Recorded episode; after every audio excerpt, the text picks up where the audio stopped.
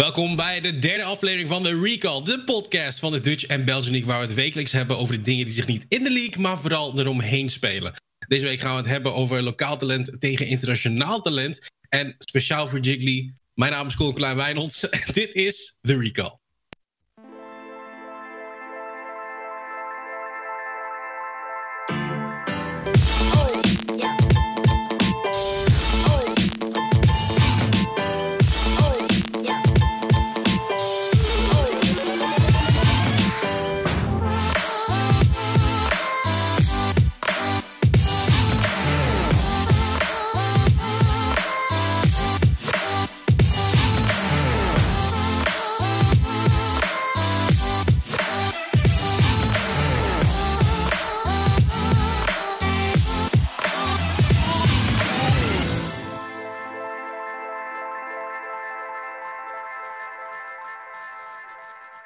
Nou, nogmaals welkom bij The Recall, de show van de Dutch en Belgian League, waar we wekelijks op woensdag vanaf 7 uur live tussen met de slash GameLeaks LOL het hebben over ja, wat zich vooral om de leagues heen speelt. Verder kun je deze podcast ook elke woensdagavond uh, of nacht, eigenlijk moeten we wel zeggen, al beluisteren op het YouTube-kanaal van GameLux. Als tenminste het internet meewerkt. Uh, ja, deze week hebben we het over lokaal tegenover internationaal. Want ja, hoe is dat precies? Uh, de Benelux tegenover dat grote Europa. Dat uh, doen we deze keer samen met Christophe Kaas van Oudheusden. voormalig speler geweest in de Benelux natuurlijk. En ook over heel Europa nog geweest. Jan-Willem Tuomari van Wingeren. Die is er ook bij de topleider van, van ETRA eSports.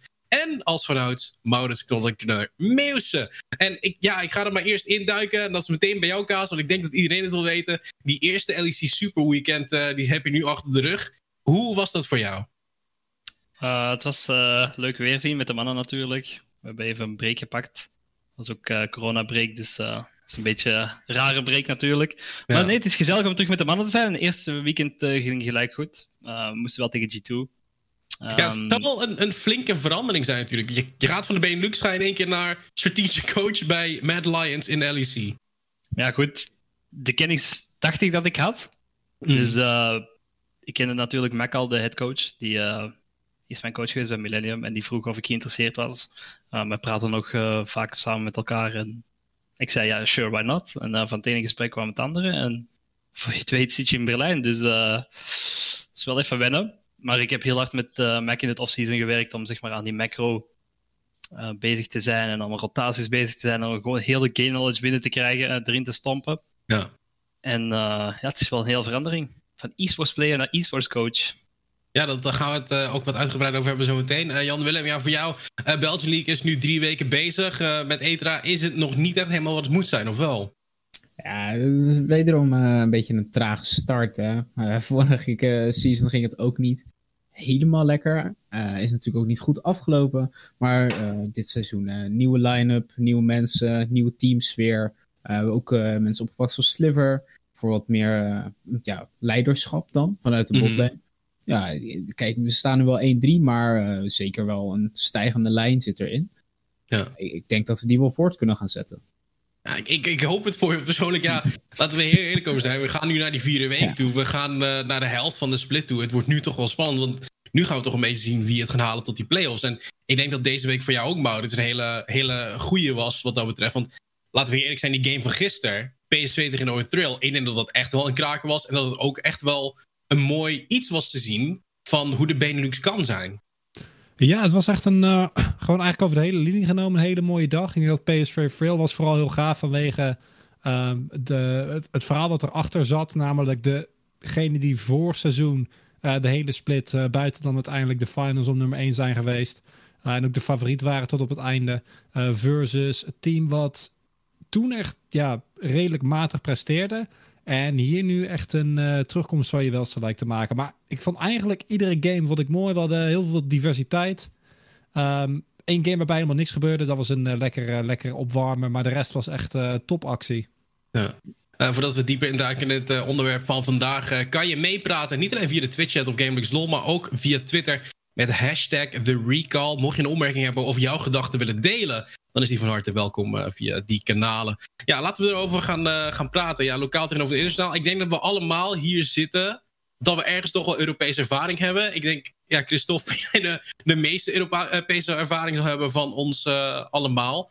Um, beginnende als speler. Ik, wil het vooral hebben over het feit dat met die komst van de IRL's, die we nu hebben, de Dutch en de Belgian League, het, het is volgens mij een stuk makkelijker nu om professioneel e-sports in te stappen. Je hebt het vorige keer ook al een beetje over gehad. Ja, dat denk ik ook wel. Maar het probleem met de Belgium en de Dutch League is nog altijd, zeg maar, je kan het niet voltijds doen, toch? Je stapt hmm. misschien wel in de league en je kan wel, zeg maar, bijvoorbeeld studeren en met league combineren. Maar je gaat nooit volledig je kunnen toewijden op League of Legends. En misschien gaat dat in de future wel gebeuren. Misschien als er grotere organisaties komen. Ik heb al gehoord dat er verschillende voetbalclubs wel interesse gaan zijn, hebben en dat die er wel mee gaan instappen. Ja. En als het budget, budget groter wordt, dan, gaat misschien wel, dan ga je misschien meer schoolverlaters hebben die het wel gaan doen. En, ja, ik hoop, uh, hoop niet dat je met je gaat om een school te, te, dippen, want dat is niet helemaal de bedoeling. niet? Um, oh. nee. maar je begint hier wel over budgetten. En, en Tuomari, bedoel, je, je loopt nu ook al een tijdje mee. Ik denk je bent nu drie, vier jaar actief in de competitive scene. Ja, uh, Het budget is altijd iets wat, wat terugkomt. Ja, uh, dit is natuurlijk... Iedereen heeft ook verwachting van... Uh, we hebben het al of een keer over gehad. over het, het, wat is een speler waard. En uh, wat, wat is de waarde die ze dan aan organisaties gaan vragen voor ook de commitment die ze doen? Want zoals je al aangaf, het is niet fulltime, het is vaak parttime. Laten we zeggen, het is maximaal drie scrimdagen in de week. Nou, dat is misschien een commitment van tien uur per week aan, aan, de actual scrims en dan nog wat solo queue erbij. Maar ja, dat, is, dat is natuurlijk niet iets waar je een flinke map geld voor gaat krijgen. En zeker hmm. ook omdat uh, ja, de, zoals Kaas ook al zei, de funds er niet zijn om echte rosters te bouwen waar je gaat kijken naar een fulltime baan. Ja. ja, maar waar moet dit dan vandaan komen? Laten we eerst, we hebben, we hebben het hier vaak over gehad. En de komst van de Dutch en België is ik als een heel positief iets, zeg maar. Want er, er ligt in principe wel de infrastructuur om zoiets te kunnen doen, Christophe. Um, ja, maar de, het volgt allemaal een beetje toch. we hebben al in de andere regio's gezien Um, vier jaar geleden, denk ik, in Spanje was het ook allemaal zeg maar, heel klein. Dan begonnen de eerste organisaties meer dan 1000 euro salaris te bieden. Mm.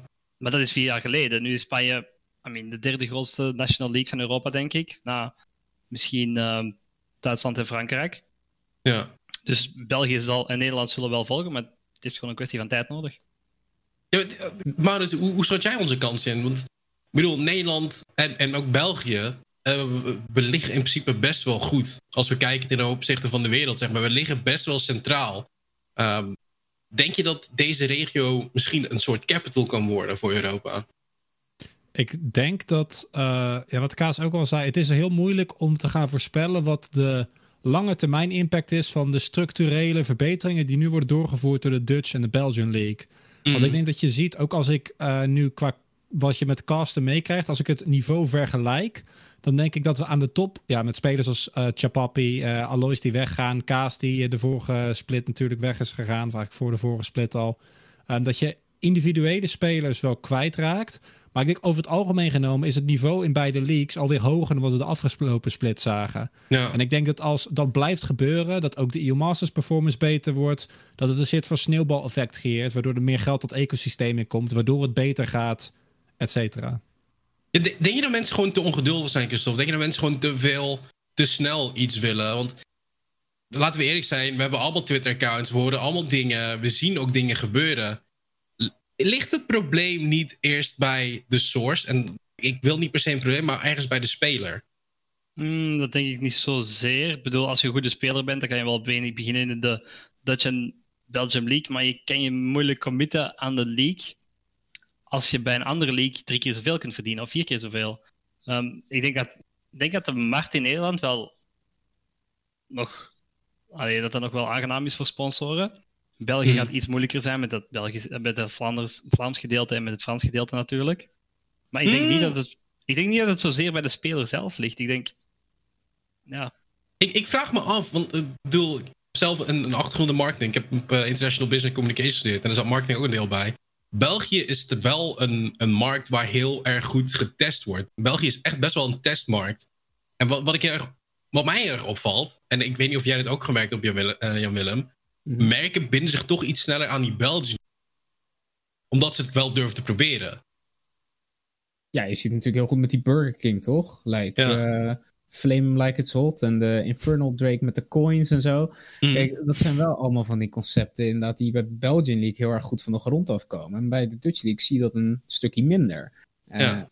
en, en, maar je ziet ook de interactie. Als je gewoon naar Twitch-chat gaat kijken, over het algemeen de Belgian Twitch-chat is wel eh, wat, meer wat trouwe kijker, naar mijn mening. Eh, je Hmm. ziet altijd dezelfde mensen verschijnen. Natuurlijk, je hebt altijd een beetje die balans tussen Dutch en Belgian. Maar Belgian League hebben wel echt een paar van die mensen die echt al routen voor hun team. En dan maakt niet uit dat dat echt een team is die onderaan staat of bovenaan. En ze zijn er altijd. En ik Ja. denk juist dat die markt, ja, ze, binden zich inderdaad. En ze zijn ook gewoon heel erg, eh, ja, ze hebben een duidelijk punt waar ze voor staan. En dan komen ze ook gewoon eerlijk uit. En de Nederlanders die zijn wat meer ja, verdeeld. eh, wat terughoudender, wat berekenender. Ja, iets wat mij opvalt bij de Nederlanders zeg maar, is dat ze zich meer binden aan een speler. En ja, laten we het daar vooral over hebben. De speler, eh Christophe. Ehm, je komt als, nou, 13, 14 jaar kom je in aanraking met League of Legends. Je begint het te spelen. En dan merk je in één keer van, oh, weet je, ik heb Diamond 4 aangetikt. Ik ben 16, wat nu? Eh, Diamond 3 zeker? nee, Ehm. ik denk als je Diamond hit, dat je al heel snel denkt van, oh, weet je, competitive. Klinkt wel interessant. Mm, ja, dat is waarschijnlijk wel. Echt ook bij mij persoonlijk was het een beetje gebeurd van op mijn 18 jaar of zo, dan kreeg je ineens een offer van een bepaalde Mhm. organisatie voor, om voor geld te gaan spelen. In die tijd was dat nog heel vreemd, zeg maar. Dus daar verschiet je wel van. Maar ik denk dat je, zeg maar, als je 13 of 14 bent, dat je daar niet mee bezig bent en dat je, zeg maar, gewoon het spel League of Legends leuk vindt en daarvoor gaat. Heb je, heb je het idee, Jan-Willem, dat bij jou de fun in League of Legends een beetje weg is gegaan naarmate er meer seriositeit bij komt kijken? Ja, het, het, het- het- ik denk dat het heel erg afhangt van, van het team waar je speelt natuurlijk. Want eh, zoals eh, veel, veel mensen ook zullen zeggen, van, ondanks dat eh, hoe harder je commit, hoe minder fun erin zit. Want je bent gewoon daadwerkelijk bezig met het goed zijn in plaats van het spelen van het spel voor fun. Dat is gewoon de change die je maakt. Uh, maar ik denk als je een heel leuk team hebt, dat je een hele leuke sfeer kan creëren om toch wel plezier te blijven hebben in het samen beter worden. Dus dan krijg je een beetje dat collectief uh, gebeuren. En ik denk dat dat het belangrijkste is wat veel spelers niet willen ervaren. Omdat ze heel erg er nog voor zichzelf ingaan. En ik denk juist dat dat iets is wat veel mensen missen. En dat ze daar echt zeggen van, ik ben alle fun kwijt. Ja. En dan krijgen ze die burn-out. Je zegt wel van, zeg maar, samen collectief beter worden in het spel. Maar als je dan een league speelt, bijvoorbeeld de Dutch League. En je wordt uh, wekelijks verslagen door een ander team met meer veteranen of et cetera. Als je verliest, dan heb je, voor mij persoonlijk, zou ik geen fun hebben. Nee. Dus dat is wel. Dat, dat weten wij. Dat hebben we al een keer gezien. dat weten dat jij daar geen fun in hebt. Maar ik, ik, ik, ik, wat ik hier opmaak, zeg maar, qua ambities en, en weet ik veel wat allemaal. We hebben het over funs, wat al voorbij is gekomen. Ik, ik persoonlijk heb soms het idee dat, dat spelers te snel te veel willen. Ik weet niet hoe jij daarnaar kijkt, Maurits. Want jij, jij spreekt ook heel veel spelers. Is er gewoon een beetje, ja, zal ik het gewoon delusional noemen? Is het gewoon een beetje delusional wat sommige spelers daadwerkelijk verwachten? Dat is wel, uh, wel hoe, jij het, uh, hoe jij het zou verwoorden, ja. Um, dat is een goede vraag. Ik denk dat de juist, mijn mening, zijn mensen heel erg negatief over uh, het niveau. En ik denk dat dat is iets wat e-sports wel eigen is. En ik denk dat het ook logisch is als je, zoals een kaas bijvoorbeeld, echt op dat internationale niveau speelt. Maar ik denk dat vergelijkingen trekken naar andere ERL's uh, over een paar jaar een realistisch iets is. Maar wat mm. je bijvoorbeeld ook heel veel ziet, is dat spelers, organisaties, uh, de uitzending, uh, hun eigen performance, reten aan de hand van hoe LEC-spelers het doen. En dat, ja, dat, dat zijn vergelijkingen, daar kun je gewoon nooit aan tippen. Dus ik denk dat er een probleem is met de verwachtingen die er liggen.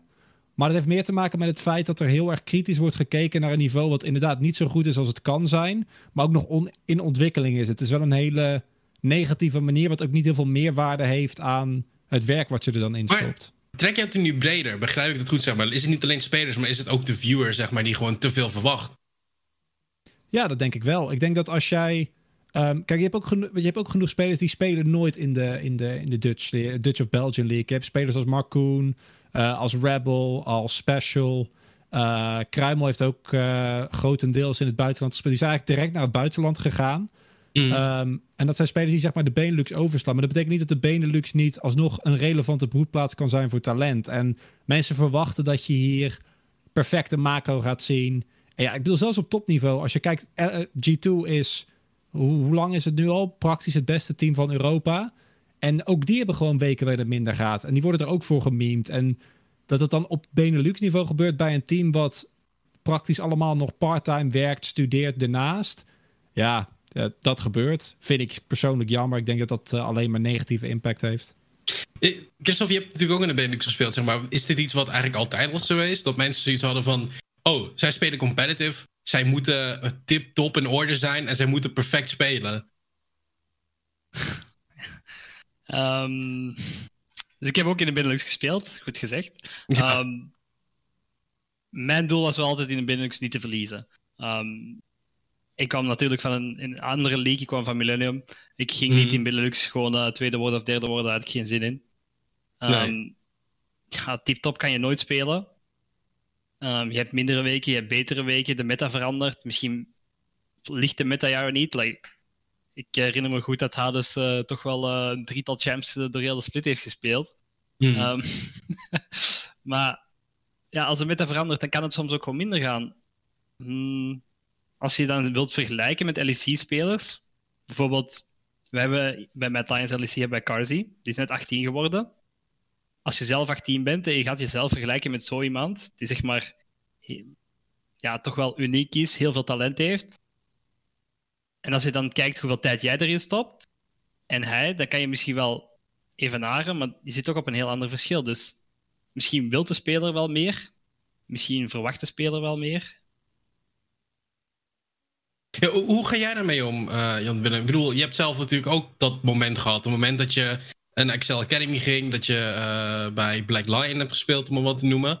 Ehm, je krijgt die aanbieding naar het buitenland toe. Waar ga je dan aan denken? Waar ben je dan mee bezig? Ja, het eerste wat je natuurlijk gaat doen is ga, je gaat kijken naar wie speelt er in die league natuurlijk. Want eh, je maakt een heel, hele niveau switch eigenlijk. Want je, je komt natuurlijk van Benelux niveau en dan ben je gewend om tegen bepaalde mensen te spelen. Bepaalde, ja, je verwacht bepaalde macro. En dan kom je eigenlijk in een region die al wat gevorderd is. En al wat spelers heeft die een betere understanding hebben. En die gewoon alles een, net een beetje soepeler doen. Mm. En als je daar te vroeg instapt, dan merk je al snel dat je gewoon eigenlijk onder verwachting gaat presteren. En dat is dan weer heel erg slecht voor jezelf. Ja. Maar het, het is ook inderdaad de commitment die je maakt. Want wat eh Kaas natuurlijk zei over eh, het aantal uren wat je erin stopt. eh, ik heb dat destijds ook part-time gedaan. Ik, ik ben toen uiteindelijk bij Black Lion Device heb ik een, eh, een, een, eh, een tussenjaar gehad. En daar heb ik echt eh, een hele verbetering door kunnen maken. Daar, daar zag je dat ik gewoon structureel per week beter kon worden. Omdat ik de tijd en de moeite erin heb gestopt om, om daadwerkelijk ook gewoon mijn VOD reviews te doen. Te kijken waar gaat het fout, eh denkprocessen te analyseren. Maar als je daar de tijd niet voor hebt, dan kan je zelfs in het buitenland gaan spelen. Maar dan wordt het waarschijnlijk nog steeds niet. Dus hoe ik dat ervaar is van, ja, het is, het is echt die, die tijdinvestment en het willen. Echt, echt het willen beter worden. Als je niet beter wil worden en er niet alles voor over hebt, dan ga je gewoon eh outperformed worden door zo iemand als een Carsey die dat wel heeft. Maar denk je dat je de juiste stap hebt genomen om naar het buitenland te gaan, dat tussenjaar te nemen? Eh, ik, ik denk destijds dat het een hele goede stap was. Eh, ik, ik denk dat het ook is, iets is waar ik echt veel van heb geleerd. En ik, ik denk ook dat het een van de waardevolle periodes is eh, in- mijn League of Legends carrière. En Mhm. ik denk ook dat ik hem nog een keer zou maken. Alleen met de kennis die ik nu heb van hoe word je beter, dus eigenlijk gewoon welke structuur moet je hanteren, denk ik dat ik het destijds beter had kunnen doen. Al had iemand mij die structuur geboden, had ik misschien wel op een hoger niveau gespeeld. Want ik was destijds net 18 geworden. Nou, toen was ik echt nog een broekie. Eh, en al, ik, ik zat toen nog wel, als ik het zo mag zeggen, wel, er zat wel een beetje potentie in. Ja. Ja, Christophe, jij werkt bijvoorbeeld, ik noem even een naam, eh, Shadow. Dat is, dat is jullie jungler in het LEC-roster. Eh dat is ook een, een vrij jonge gast. Die komt volgens mij vanuit Italië, toen ze daar heeft hij gespeeld, als ik het Ja. goed heb. Ehm, hoe, hoe is het om met zo iemand te werken? Want het is natuurlijk ook een jong iemand, supervol met talent. Hoe begeleid je die naar de nieuwe, weet ik veel, wat, eh, nieuwe Baggy of zo? hoe hoe maak je daar zo'n zo'n speler van? Waar ben je dan mee Oh, bezig? Banky shout-out. Dankjewel. Wat doe je ermee? Ehm, de Shadow is een, iemand die, heel, die speelt heel veel op gevoel. Um, hij heeft heel goede performance neergezet. Um, ik heb de scouting zelf niet gedaan. Mac en Peter hebben de scouting van het LEC-team gedaan. Ze volgen de Shadow al gedurende twee jaar, denk ik. Ze volgden hm. iedereen al langer gedurende twee jaar, buiten Keizer. Die hebben ze zeg maar op het laatste moment um, van de markt kunnen plukken. Ja. Maar Shadow speelt heel veel op gevoel. Nu, je bent geen complete, complete speler als je heel hard op gevoel speelt.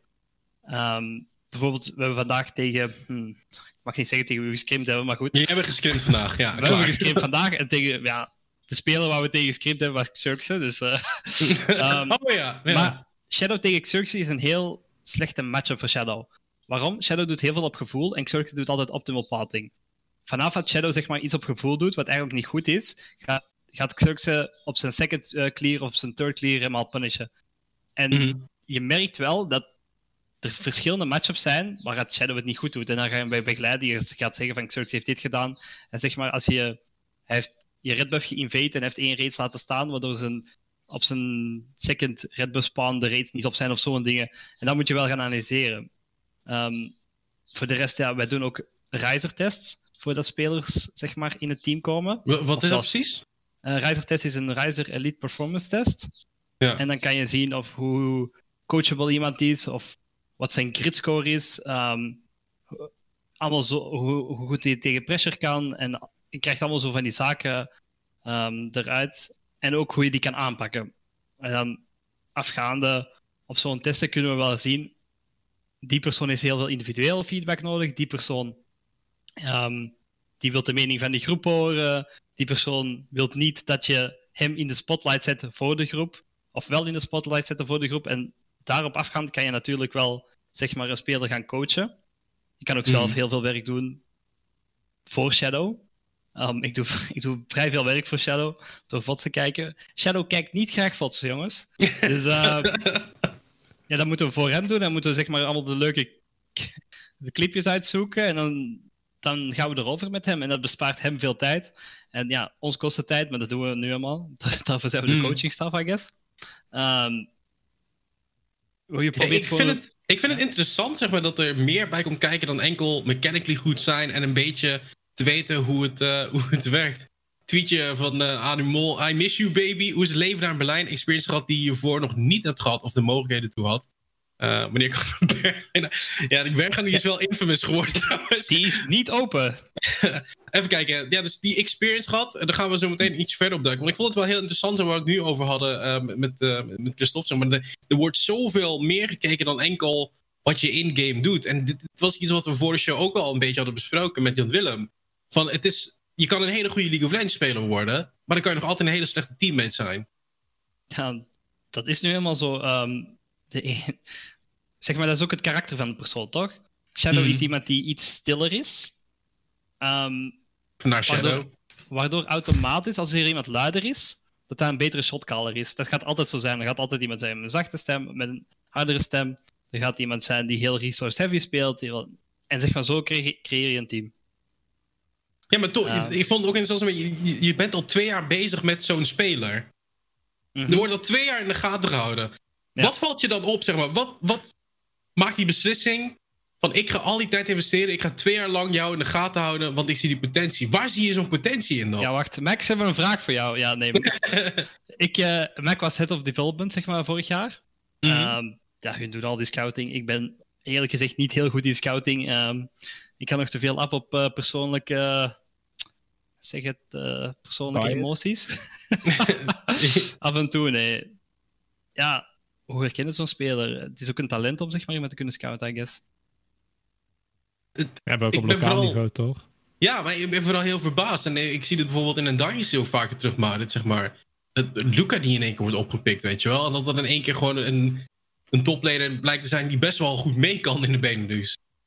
Ja, nou, we zeggen het eigenlijk bijna iedere uitzending wel. Maar het is omdat het zo tekenend is voor Dynasty. Want het is een org die heeft uh, kortstondig succes gehad. En zelfs toen werden ze door uh, Alois uh, en Co. In, met Echo Zulu werden ze flink aangepakt. Mm. en ze hebben een paar maanden gehad waarin ze best hoge finishes hadden. Maar wat je wel ziet is een consistent patroon. En dat is ook wat Kaas al zegt. Het is gewoon een talent wat iemand wel of niet heeft... om te zien of een speler potentie heeft. En ik denk dat... Ehm, dan heb je enerzijds heb je gameplay potentie. Nou, dat zien we bij Dynasty ook. Maar we hebben ook bij Dynasty heel veel picks gezien die niet lekker uit de verf kwamen. En ja, waar dat dan aan ligt, kan ook zijn dat die spelen dan achteraf persoonlijk toch niet lekker uit de verf lijkt te komen. Maar als je nu kijkt, Luca, ik denk ook Fat Shield, uh, spelers als Lian, zijn allemaal spelers waarvan mij niet zou verbazen als, je ze, als ze zich doorontwikkelen. Um, later in, uh, weer op een, op een hoger niveau gaat zien. Of dat gaat gebeuren, weet je natuurlijk nooit. Ja. Maar ik denk ook dat het gewoon een kwestie van ja, gevoel is combinatie met de ervaringen die je opdoet. Ja, de, ja sorry. Kaas, de beste manier is natuurlijk door gewoon sollicute stats te checken. Ik denk dat Luca ook challenger is geweest. Um, het beste voorbeeld is Alois. Die is, uh, denk ik, gedurende de laatste twee, drie jaar dat hij bij Benelux speelde, was hij altijd hoog challenger. Mm. En zo val je op voor andere leagues. En zo kan je altijd wel dat stapje meer zetten. En zo kan je ook zelf gaan checken. Kan ik het? Want het zou heel zonde zijn als je heel veel tijd investeert. En als je dan zeg maar toch net niet de top haalt. Dus dan kan je beter er volledig voor gaan, volledig in solke voor geven en opportuniteit pakken en dan kijken hoe het gaat. Ja, je, bent je zit er natuurlijk ook nog steeds bij. En ik, ik wil vertellen van jou vragen van... Wat, kan je, wat kan je vooral in je eigen ontwikkeling doen? Ik bedoel, je hebt die kans gehad. Dat is in jou... Op, ja, ik wil niet zeggen misschien niet echt geluk, maar het is niet gelopen zoals je had gehoopt, denk ik. Want ja, laten we eerlijk zijn, als we niet in de België gezeten nu, maar had je ergens anders uh, gezeten. Um, wat denk je dat je als speler zelf kan doen om die ontwikkeling uh, stabiel te houden? Ja, wat natuurlijk heel belangrijk is, is, uh, is, is zoals K zei, je speelt solo queue. Uh, solo queue is natuurlijk niet alles, maar solo queue is wel een hele belangrijke maatstaaf van hoe, hoe zijn jouw mechanics en hoe zijn jouw, jouw eigenlijk je fundamentele gameplay dingen. Ja, als, als jij mhm. fundamenteel niet goed zit, dan ga je ook heel veel solo potten verliezen en dan ga je nooit boven, ja, waar ik uh, recent tegenaan loopt, dan ga je niet boven Grandmaster uitkomen. Zeg maar, als je Challenger intikt, dan doe je fundamenteel net iets beter dan de rest. En het is dan aan jezelf om te gaan kijken in zo'n, ja, om, om, gewoon spreadsheets bij te gaan houden. Gewoon informatie te verzamelen over wat doe ik en wat doen andere mensen. Want tot een bepaald punt is het eigenlijk gewoon het kunstje afkijken. Zeg maar, wij zijn echt nog niet goed genoeg om zelf te gaan bedenken, dit is wat je zou moeten doen. Er zijn al mensen die hebben het al jaren die dit al doen. En die eigenlijk al de, de kunstjes in de vingers hebben. En als jij gewoon moeite neemt om te gaan kijken van oké, hij reageert zo, zijn denkwijze is zo. En je gaat dat implementeren op je eigen play. Dan ga je al snel zien dat je waarschijnlijk uh, gaat stijgen tot een normaal niveau. Natuurlijk komt er ook talent bij kijken. Dat is altijd zo. Je moet, je moet mechanics hebben. Maar eh, het zit er ook gewoon in van weet waar je op moet verbeteren voordat je doorgaat. Mm. Weet waar je moet verbeteren. Ik denk dat misschien iets voor jou is, Van, hoe ga je dat leren? Van, dat je zelf gaat zien en gaat herkennen van waar verbeter op. Ik bedoel, Jan Willem heeft het al over spreadsheets, maar is het meer dan alleen die nummertjes intikken? Je weet waarop je gaat verbeteren. Hebben we het dan gewoon op mechanical vlak, matchup vlak of gewoon alles? Ik denk gewoon je eigen ontwikkeling, zeg maar. Van hoe je gaat zorgen dat jij van nou, uh, eh, 200 LP Master in één keer doortikt naar die Grandmaster of naar die Challenger toe. Ja, dat zijn natuurlijk verschillende manieren. Je kan natuurlijk gaan checken van bepaalde patchen van champions. Misschien ben je mhm. wel een champion aan het spelen die 45% winrate heeft op een patch. Dat het dan niet lukt, ja, dan is het niet zo heel merkwaardig, toch? Dan, dan ligt het gewoon aan de champ die je pikt. Langs de andere kant gaan, kan het gewoon zijn dat je een match fout speelt. Um, een goede tip is bijvoorbeeld Pipo. Die streamt af en toe. Nu, de laatste drie dagen heeft hij drie keer gestreamd, denk ik. Ja. is heel informatief tijdens zijn streams. Die uh, legt alles uit. Zelfs wel te veel, zeg maar. dus, ik vond uh, skin om dat... Uh... ja, als je iets wilt leren van een matchup... Zelfs mhm. wij als LEC-coachen gaan naar een stream als Bipo kijken. Omdat Bipo toch altijd net iets anders kan vertellen als jouw eigen toplaner, toch? Hij mm, praat ook echt heel veel. Ja, maar het is gewoon... Alles, het meeste wat hij zegt is gewoon ook waar. En het is gewoon heel leerzaam. En als je jezelf wilt ontwikkelen, um, train smart, not hard, zeggen we altijd. Je kan wel hmm. zoveel uur in league stoppen en solo spelen, maar misschien is het wel slimmer om gewoon een paar uurtjes foto's te kijken, bepaalde matchup te oefenen en zo verder te gaan. Maar wat ik hier uit opmaak gewoon van de G2, en correct me if I'm wrong, zeg maar, is je moet zelf de tijd insteken om beter te worden als je ook daadwerkelijk wil beter worden, zeg maar. Want het is meer dan alleen maar solo queue opstarten het is daadwerkelijk ook tijd te investeren om beter te willen worden. Ja, ik denk. Oké, dus ik ben coach geworden. We hebben ook verschillende boeken moeten lezen als we coach werden. Ja. Um, bijvoorbeeld Never Split the Difference, uh, Atomic Habits. En het zit allemaal in de kleine dingen dus ook. Um, je moet jezelf gewoon short-term en long-term goals zetten. En die goals kunnen van alles zijn. Um, bijvoorbeeld short-term goal is de 30-day challenge, dat je elke dag een vod kijkt van een bepaalde matchup. Um, bijvoorbeeld van Bipo, bijvoorbeeld van Alfari streamt ook af en toe. Die zegt niet zo heel veel, maar het is wel heel leuk om te zien hoe die treedt. En Mhm. zelfreflectie is heel belangrijk. Als je zeg maar heel de tijd doorgaat en je leert niks bij, maar je zelf evalueert jezelf niet en je hebt niet door dat je niet verbetert, ja, dan eh, zit je ook een beetje vast. Ja, Maurits, je, hebt, je hebt recentelijk heb jij een stukje over Lois geschreven natuurlijk. Is het iets waar hij ook over heeft gesproken? Over wat hij allemaal deed om tot dat niveau te komen? Ehm, ja. Ehm, alleen je hebt heb ik niet alles artikel- opgeschreven natuurlijk, vandaar. Ja, nou ja, ja ik, heb, nee, maar ik heb hem daar natuurlijk wel uitgebroken, of uitgebreid met hem eh, persoonlijk, eh, persoonlijk over gehad. Het artikel is er niet heel veel aan uitgekomen. Ehm, maar ik denk, je kan, zelfs als je een heel getalenteerde speler bent, wat bij Alois natuurlijk vanaf het begin eigenlijk al duidelijk was voor iedereen, kun je Mhm. niet de speler worden die hij uiteindelijk is geworden zonder er heel veel tijd en moeite en zelfreflectie in te stoppen, zoals Kaas zegt. Want op het aller, zeg maar, Alois kwam heel lang in de Benelux, komt hij weg met mechanically beter zijn, maar je komt op een gegeven moment op een niveau waar puur dat nooit meer genoeg gaat zijn. Ehm, en als je niet je daar voorbij door blijft ontwikkelen, ja, dan, dan haal je het gewoon eigenlijk nooit. Dus ja, ik zou zo 1, 2, 3 niet specifiek kunnen zeggen wat Alois dan eh, doet. Maar ik denk dat inderdaad gewoon, ja, weet je, ook met dit soort dingen is het denk ik ook. Mensen hopen op soort van geheime trucs, maar het is gewoon, gewoon VOD-reviews doen. En gewoon op een slimme manier kijken naar wat doen de betere mensen. Eigenlijk alles wat hiervoor gezegd wordt. Emuleer wat de slimmere mensen doen. En als je eenmaal een bepaalde baseline hebt. Als jij x uur erin hebt zitten. Je hebt een x mechanical eh, skill floor. Dan kun je gaan kijken naar daadwerkelijk je eigen kennis ehm, ontwikkelen en synestiseren. Maar als jij niet een bepaalde baseline hebt. Zeg maar als jij lager bent dan, nou, we wil je het leggen, Grandmaster. Heeft het geen zin. Want dan zitten er nog zoveel elementaire fouten in. Dat je wel kan gaan kijken naar niet puur emuleren. Maar dat heeft dan toch geen zin. Ja, je hebt natuurlijk ook een, een, een vrij veel teams gespeeld. Je hebt ook heel veel mensen om je heen gehad.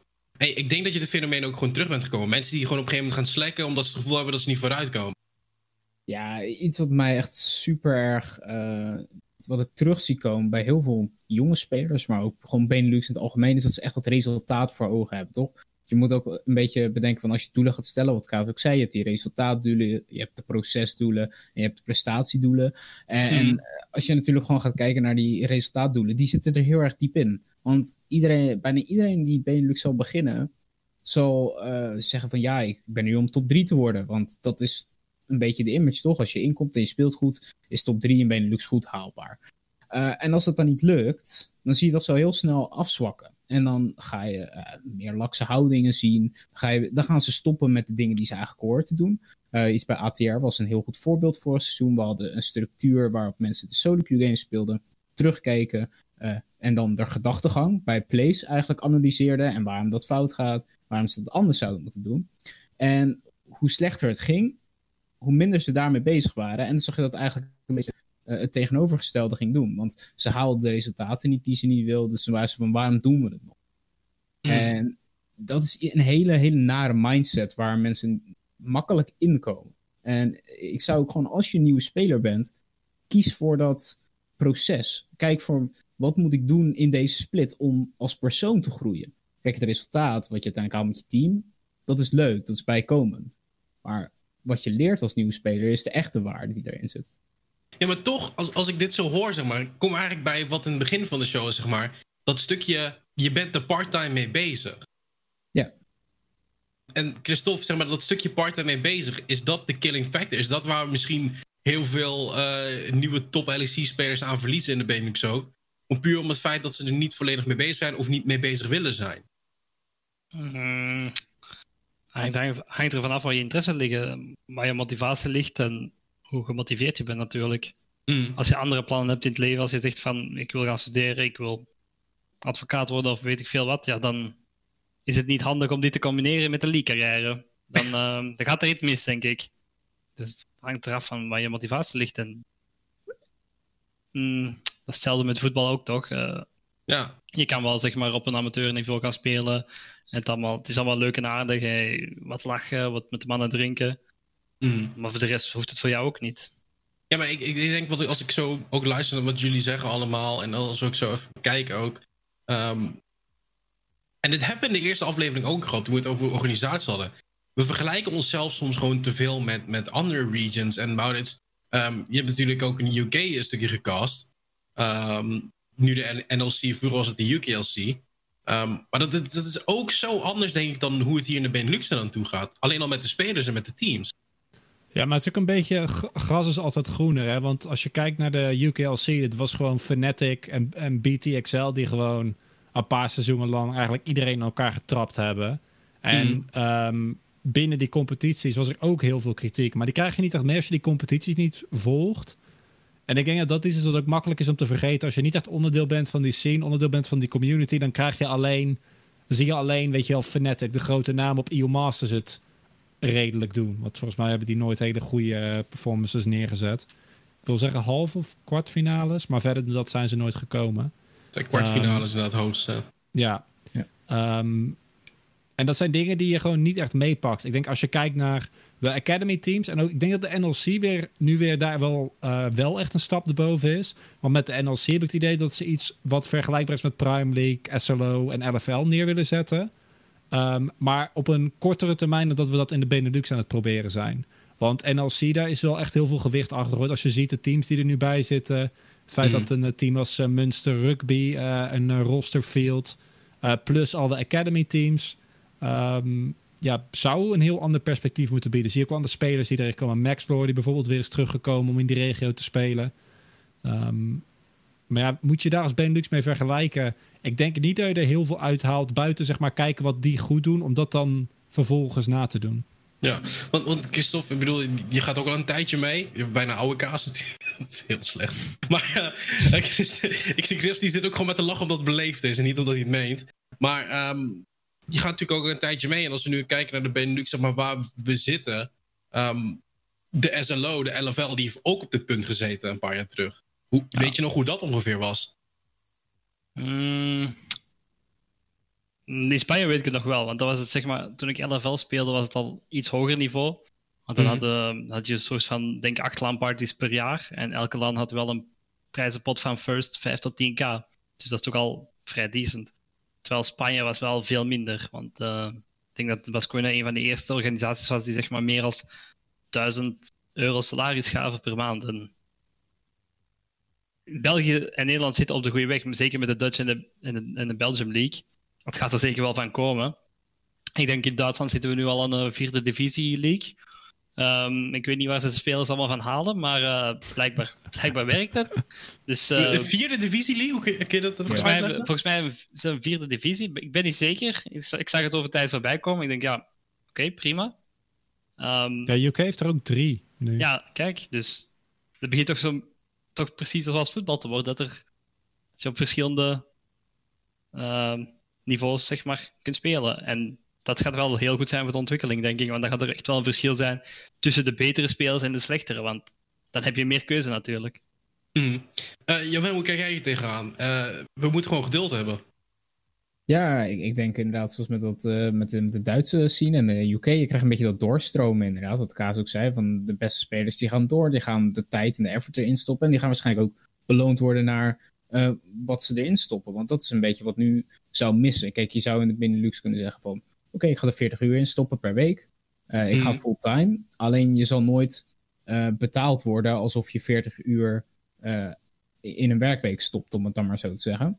Ja. En, en, en, dat is inderdaad iets wat komt met tijd, want daar heb je organisaties voor nodig. Daar heb je sponsoren voor nodig. Je hebt eigenlijk gewoon investeerders nodig die hier de waarde van inzien, van dit, ja, eigenlijk dit hele, deze hele markt. En, en, dat is natuurlijk ook iets wat, wat langzamerhand wel aan het groeien is. Want je ziet uh, teams zoals Trail en PSV die in zijn gestapt. Dat is natuurlijk een geweldige stap voor Nederlands e-sport. Want het zijn grote clubs met uh, een grote aanhang. Met ook al veel followers in de FIFA-industrie uh, natuurlijk. Ja, maar ga je een FIFA-fan een League of Legends-fan maken? Ik bedoel, dit is een discussie nee, die ik ook al vaak genoeg had met mensen.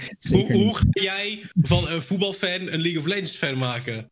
Ja, totaal niet. Maar uh, het gaat er natuurlijk om uh, de naamsbekendheid die erachter zit. En hoe mm. groter de namen zijn die instappen, hoe eerder sponsoren geneigd zijn om daarin mee te gaan.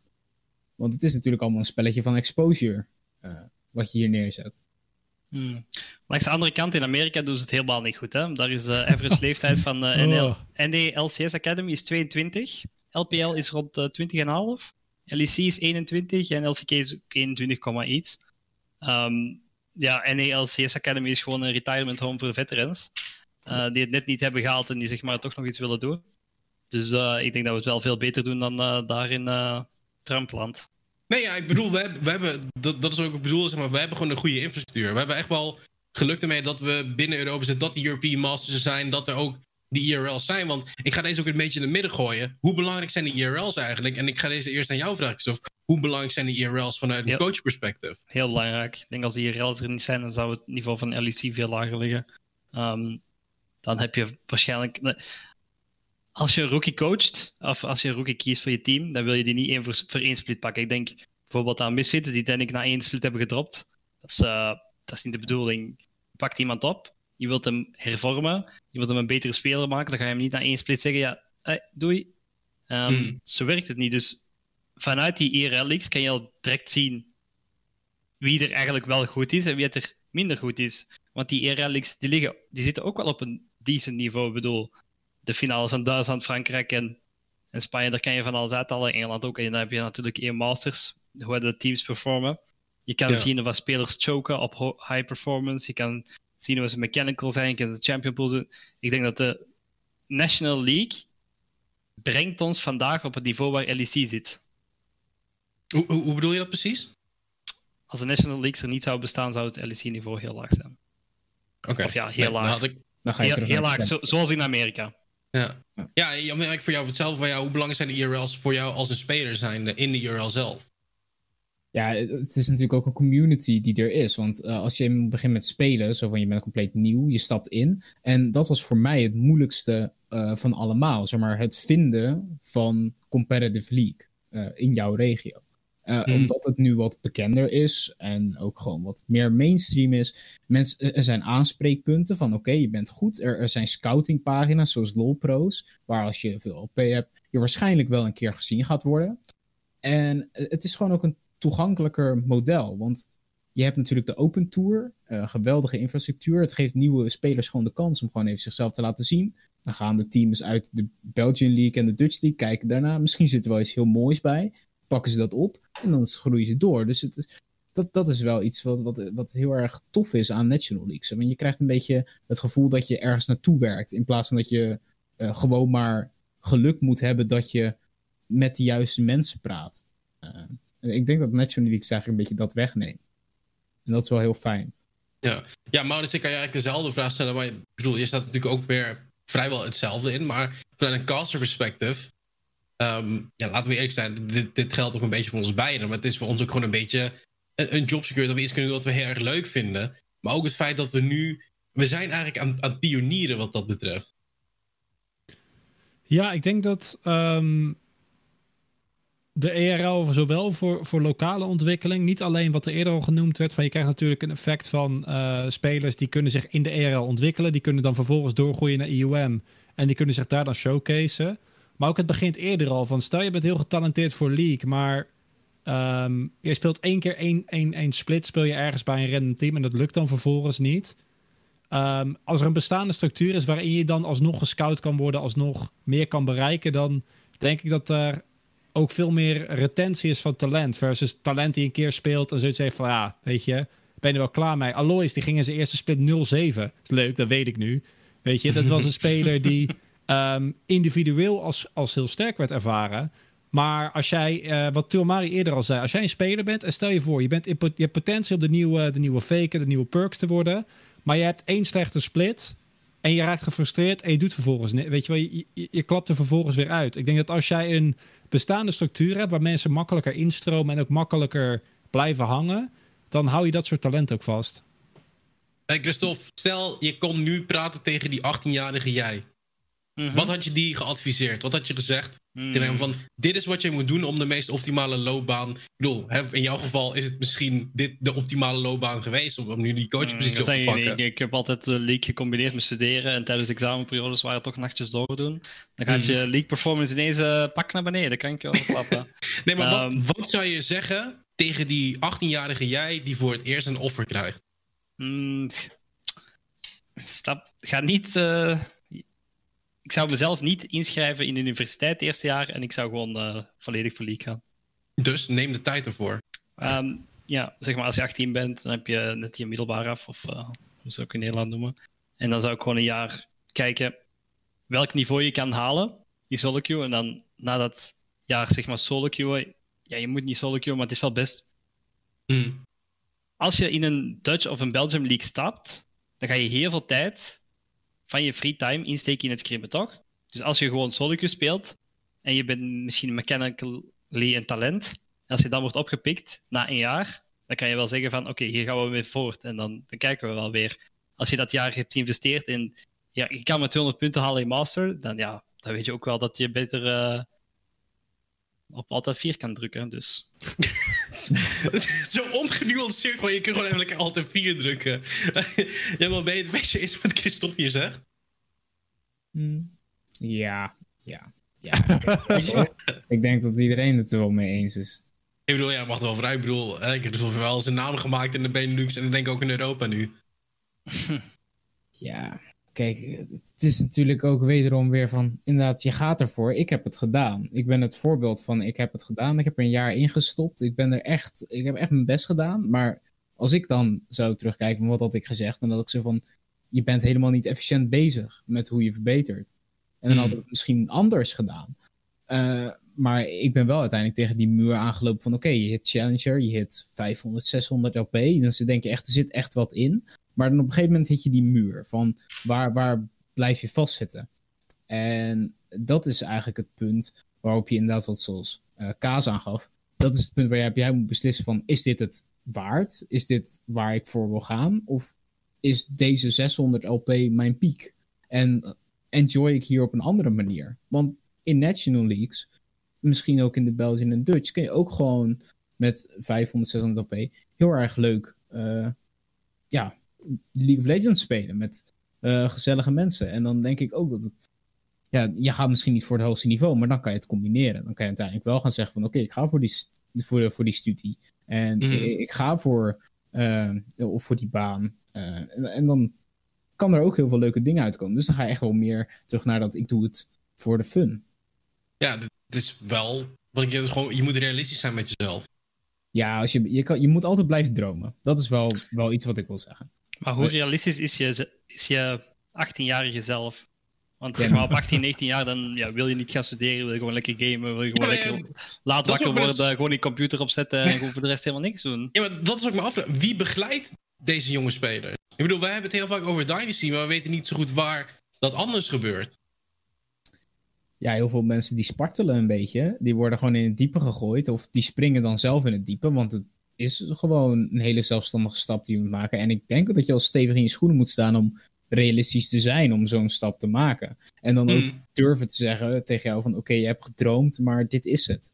Alleen, zeg maar dat als je je droom niet haalt, betekent niet dat je niet, niets meer met die droom kan doen. Want eh, zeg maar, er zijn zat mensen die misschien wel het geprobeerd hebben, het niet gehaald hebben, maar bijvoorbeeld naar een coachingpositie zijn geweest. Of ze zijn gaan werken bij een van de e-sport teams en hebben op een andere manier toch hun droom, zeg maar, waar kunnen maken binnen Ja. de e-sportswereld. Ja, maar ik, ik denk dat dit ook voor, voor casters, Maurits. En ik, ik denk dat daar heel veel. Ik, ik, weet zelf ook uit eigen ervaring. Het- Ik heb immens veel moeten grinden. Ik heb immens veel tijd moeten investeren in hoe ik beter werd in interviewen. Hoe ik beter werd in, in, in shows voorbereiden. En ik bedoel, ik heb ook het geluk zeg maar, dat ik de mensen heb leren kennen die me dat konden leren.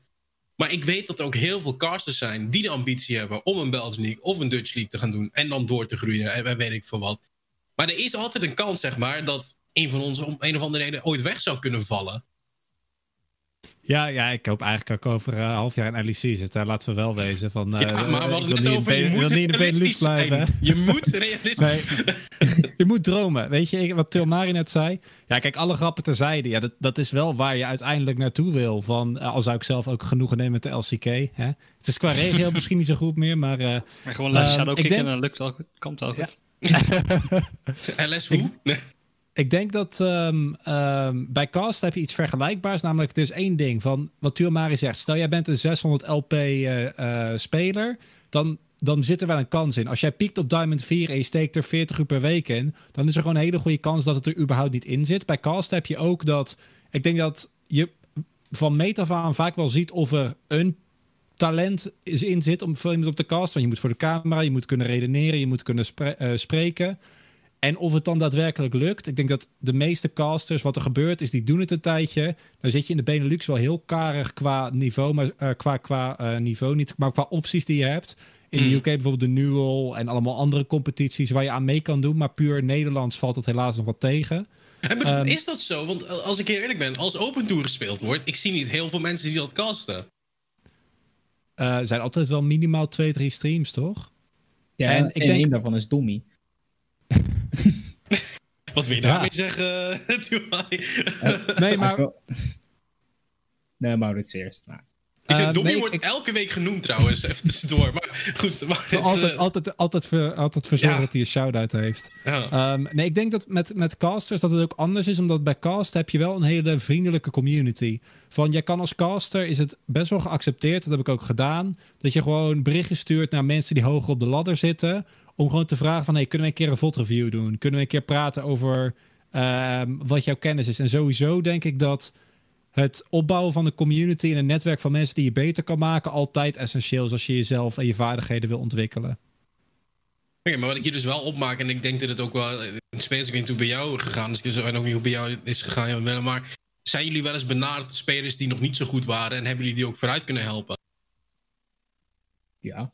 Ja, regelmatig natuurlijk. Maar eh, het is natuurlijk ook welke vraag je hebt. Want kijk, er zijn ook eh, scenario's geweest waar ik bijvoorbeeld zelf naar Alois toe ben gegaan. Of Alois kwam naar mij toe. En dan, dan vraag je aan elkaar van, hey, kan je die matchup spelen? Want eh, ik, ik wil nog wat tips en tricks. En dan zo kan je jezelf ook helpen. En iedereen staat er ook altijd wel voor open. Het is Mhm. alleen dat, ik denk, ik denk heel veel mensen zijn gewoon, ja, wil, je, wil je het verlegen noemen? Of gewoon niet geïnteresseerd in eigenlijk het educatieve stukje. Waarin je gewoon aan iemand vraagt van, oh, kunnen wij dit proberen? En dan vanuit daar ga je verder. En dan neem je de kennis mee die je hebt opgedaan. En dan help je eigenlijk elkaar. En ik denk ook dat dat in de league zien echt wel is. Als ik een bericht sturen naar iemand van Sector One of van andere teams of PSV, dan denk ik echt wel als ik eh, gewoon vraag om een bepaalde matchup, dat ze die met mij uit willen denken of het erover willen hebben. Eh, het is meer het durven van.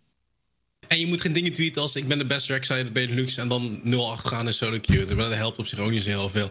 Eh, Christophe, volg jij de Dutch en Belgian League teams? En wat vind je van het niveau momenteel? Nu weet ik dat je heel druk bent geweest de afgelopen periode met de LEC en dat je weinig hebt op kunnen pikken. Maar ik weet wel dat je de vorige split al iets hebt gezien. Dus je hebt wel het begin gezien van de Belgian en Dutch League. Ik heb ook een paar keer laten vallen van ja, het is een goed begin. Maar ja, inderdaad, wat, wat vind je nou eigenlijk van de Bel- Belgian en Dutch League teams? Mm, niveau wordt altijd wel beter, maar het hangt er ook vanaf welke spelers dat er natuurlijk zijn. Het is natuurlijk meestal een mechanical fest. Het hangt af van de Mhm. coaches die er zijn. Ehm, ik heb recent niet gekeken. Ehm, dan heb ik mijn tijd ergens anders ingestoken. Ehm, ja, wat kan ik erover zeggen? Ik vind dat het vooral afhangt van de coaches. Wie gaat de speler leren hoe te spelen? Ja, bij de LEC zijn er bepaalde coaches die het gewoon heel goed weten. We hebben Kruips, we hebben Youngbuck. Ik vind Mac ook een hele goede coach. We hebben Duke. Dat zijn allemaal spelers die, allemaal coaches bedoel ik, die wel echte spelers op macroniveau echt enorm kunnen vooruit helpen. Terwijl ik naar Benelux niveau ga zien, dat ik, vind ik dat er weinig hele goede coaches zijn.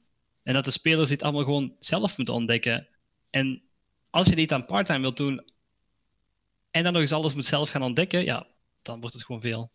Ik vind Ik- het niveau, het niveau ligt niet heel hoog. Ja.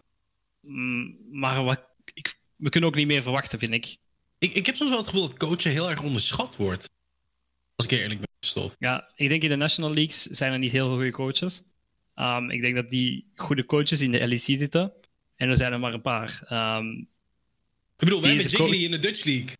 ja, Lee is analist geweest bij Liquid. Wie weet heeft hij daar veel op gepikt. Maar coachen is ook, zeg maar.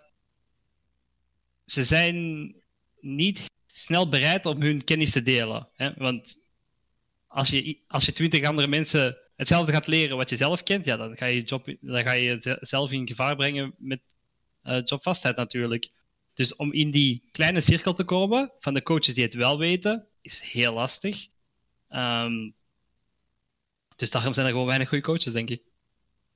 Ja, je, je, bedoel, je hebt ook genoeg coaches gezien. Poeh. Ik heb wat versleten hoor. Ook uh, een aantal uh, toch ook wel berispt en hier en daar. Want inderdaad, wat Kaas zegt, je moet het zelf uitzoeken. En waar ik soms tegenaan loop, is dat omdat ik... Uh, een, ik heb een aantal coaches gehad waarvan ik dacht... Nou, ze zijn niet dusdanig goed, maar ze hebben wel een goede fun, fundering van hoe ze in ieder geval spelers begeleiden. tot op een zeker extent. En daar pik je dan dingen van mee. Dus dat, dat kunnen dingen zijn van hoe ze iets uitleggen, voor wat jij dan later ook weer aan je nieuwe teammates uitlegt op die exacte manier. Maar mhm. eh, wat, wat ook Kaas al eerder in de uh, podcast aangaf, was dat alles blijft veranderen. Je moet ook meegroeien als coach daarin. Dus wat, wat wij telkens krijgen, is dat wij krijgen iets aangeleerd.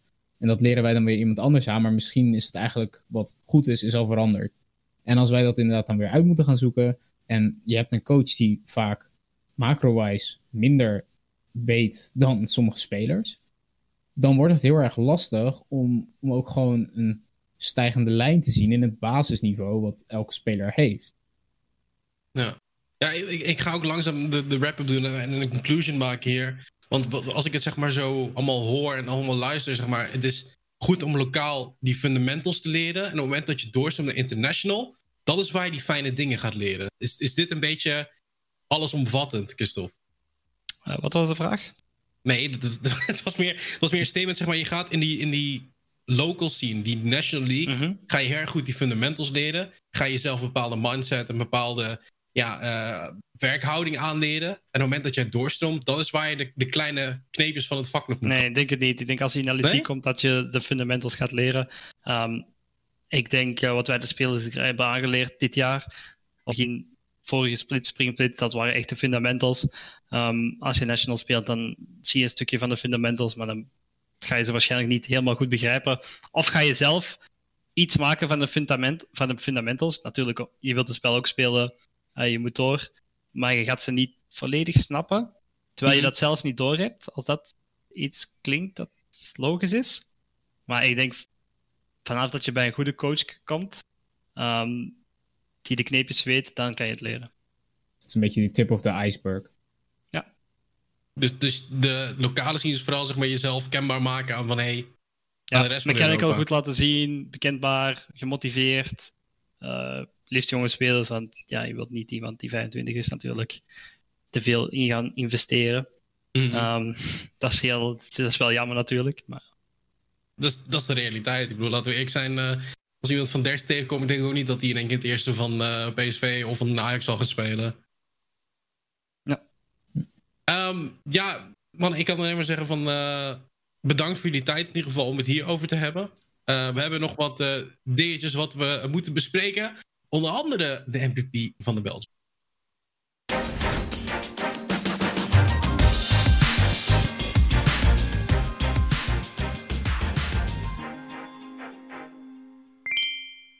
De Burger King King of the Week is uh, eh, KVM's esports uh, Flawed. De jungler die het uh, toch wel aardig goed heeft gedaan de afgelopen week. ja, KVM had een rampzalige split vorige, de vorige paar weken.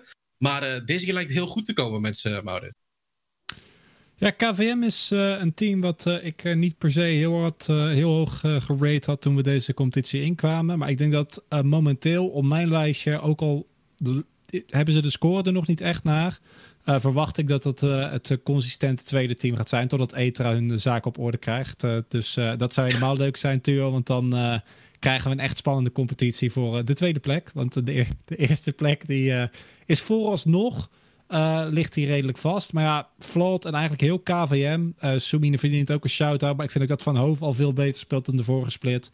Mm. Um, zie je gewoon dat dat team op een zeg maar basic niveau al veel beter speelt dan teams die al twee splits in de Belgian League zitten. Ja, Jan Willem, uh, ja, KVM Esports, uh, het wordt al een beetje genoemd. ze doen het best wel goed, deze split. Ja, wat je, wat je bij hun voornamelijk ziet, is dat ze ja, op een of andere manier klikt dat gewoon. Zeg maar, Mhm. die spelers die meshen en wanneer dat is, dan gaat al dat eh, samenspelen en dat mechanical eh, brawling gaat, al, gaat allemaal een stukje beter. En dan ga je ook zien dat er spelers zoals Vlad, die dan echt heel erg shined in de skirmishes, ook met zijn champion pool, dat die er echt ehm, goed bovenuit gaat steken. Want eh Vlad heeft, heeft oprecht gewoon goed gespeeld afgelopen week. Eh, kijk, natuurlijk wat hiccups hier en daar, maar voor zijn performance was gewoon een pluimpje verdiend. Zeker eh, van waar ze komen, is dit echt een hele welkome verbetering zo. Ja, dan is het natuurlijk ook gewoon de vraag: wie is in de Dutch League de MVP geworden? Kitty? Heel enthousiast, maar het is eh Rako geworden. Ja, Rako natuurlijk, eh ja, moet het wel benoemen, zijn pentakill. Eh de Lone Lions, ja, eh Christophe, deze Rako die is ook geen onbekende voor jou. En die ken ik al wel even. Ja, wat, wat, wat, ik altijd, praktisch drie health bars Jo. heeft. wat mij altijd verteld wordt, is dat Draco gewoon insane eh, communicatieskills heeft. Ik weet niet of je daar ooit iets van Ja, opgemerkt ik denk dat Draco zeg maar uh, sub is geweest bij Misfits en dat hij daar wel het een en het ander heeft opgepikt. Ehm Draco is het goede voorbeeld van hard work, weinig talent, denk ik. Ehm, Oké. hij, hij, volgens mij kan hij wel een game shot callen. Hij is zeker geen slechte speler. Ehm, ik denk dat hij wel op nationaal ni- niveau bij, bij, bij Duitsland of bij Frankrijk of dergelijke kan, kan spelen. eh, met zijn kennis en met mechanics die hij heeft. Ja, ook eh, de performance van Lone Lions, eh, dat was de eerste week natuurlijk niet echt eh, wat geshowd kon worden. Dat is nu wel echt aan het laten zien van ja, dit team. Ehm Kaas, jij zei het zelf. Als je, als je derde wordt, dan ben je eigenlijk laatste in Nederland. Hm. Dat is een uitspraak voor mezelf, toch? Ja, dat heb je gezegd inderdaad. Mm, het hangt er natuurlijk vanaf wat voor speler je bent en of je net in de league komt Mhm. kijken. En wat je goal is. Als je gewoon plezier wilt maken, dan maakt het niet uit of je tweede of derde of eerste komt, denk ik. Ja. Maar als je echt wilt winnen, winnen, ja, dan, dan is de derde plek net de laatste plek. Wat, wat is voor nu een beetje de prognose voor Lone Lions, Maurits? Ik denk dat je duidelijk ziet dat eh, PSV een eh, vergelijkbaar probleem heeft als wat eh, eh, de Fuse Kids eh, de vorige split leek te hebben. Namelijk, eh, het loopt allemaal nog niet helemaal lekker samen.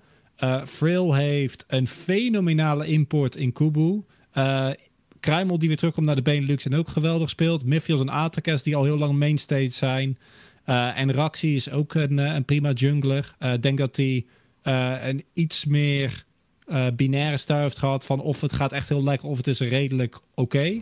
Eh, maar Lone Lions, Frail en PSV lijken voor mij nu een duidelijke top 3. Wie hem daar uiteindelijk gaat pakken, vind ik op dit punt nog niet te zeggen. En dat vind ik wel heel fijn. Ehm, want dat creëert wel heel veel dynamiek. Ik denk dat je daaronder vervolgens Echo Zulu hebt. eh, en Dynasty daar net weer onder. Maar ik denk dat die teams iets dichter bij elkaar liggen. Echo Zulu met een wat behoudendere stijl. eh, en Dynasty met een wat proactievere stijl. En dat MCON de enige zijn die echt nog een identiteit moeten vinden binnen die competitie. Willen ze eh, hoger op de ladder gaan komen. Ja, ik denk dat aankomende week ook wel wat ideeën zal geven. Maar we daarop induiken, gaan we eerst eens kijken wat we in de Belgian League gaan zien. Want het schema daarvoor, eh, dat ziet er als volgt uit. En, dit is een beetje een... Het voelt een beetje als een do-or-die voor eh, Etra, eh, Jan Willem. Ja, het is natuurlijk de, de bottom tiers tegen elkaar die lekker gaan brawlen. Eh, Hmm. ik, ik denk ook echt dat het een slaughterfest gaat worden. Niet normaal. Ik, ik denk dat eh, als Kaas dit ziet, dat hij eh, zeg maar, s'nachts nog steeds het wakker wordt van alle nachtmerries. Ja. Ik, ik, denk- dat het echt 30 plus kills wordt. Maar ja, het is, het is wel echt een do-or-die moment. Want de, eigenlijk het team wat dit verliest, die gaat moeite hebben met top 4. Eh, en, en, dat is natuurlijk wel iets waar je realistisch in moet zijn. Dat, Ja, mag ik jou Dus- vragen hoe de sfeer nu een beetje is bij Etra?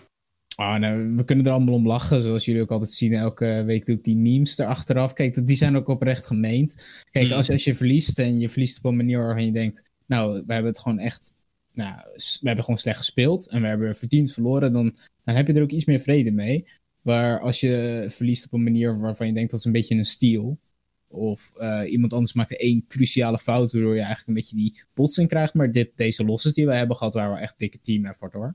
Eh, laten we ook even meteen kijken wat de featured matchup is eh, voor aankomende week. Ehm, dat is, als ik nu mis heb, het is altijd van, we zijn de hele week aan het praten, maar dat gaat vooral tussen de Brussels Guardians en eh, eh, KVM eSports zijn. Ehm, Ja, Maurits, dit is vooral... Brussels Guardians heeft ons best wel verrast. Ja, die zijn gewoon ook wel lekker winst aan het pakken. En ik snap er nog steeds soms helemaal niks van. Um, ja, uh, uh, ja, Willem, ik zie een beetje het? een traantje wegpinken. Ja, nee, wat, wat was het? Uh, volgens mij was het ook de Guardians die, die gingen voor een Soraka first pick. En mhm. daarmee ook gewoon echt makkelijk wegkwamen. We hadden een Shyvana last pick. Nou, die werd wel afgestraft. Dat vond ik wel erg fijn. Ik weet niet, dat was ook niet AP Shyvana, maar AD top Shyvana. Ja. ook niet in een counterpick positie. Dat ging, ging helemaal nergens heen. Maar Guardians is wel een bijzonder team.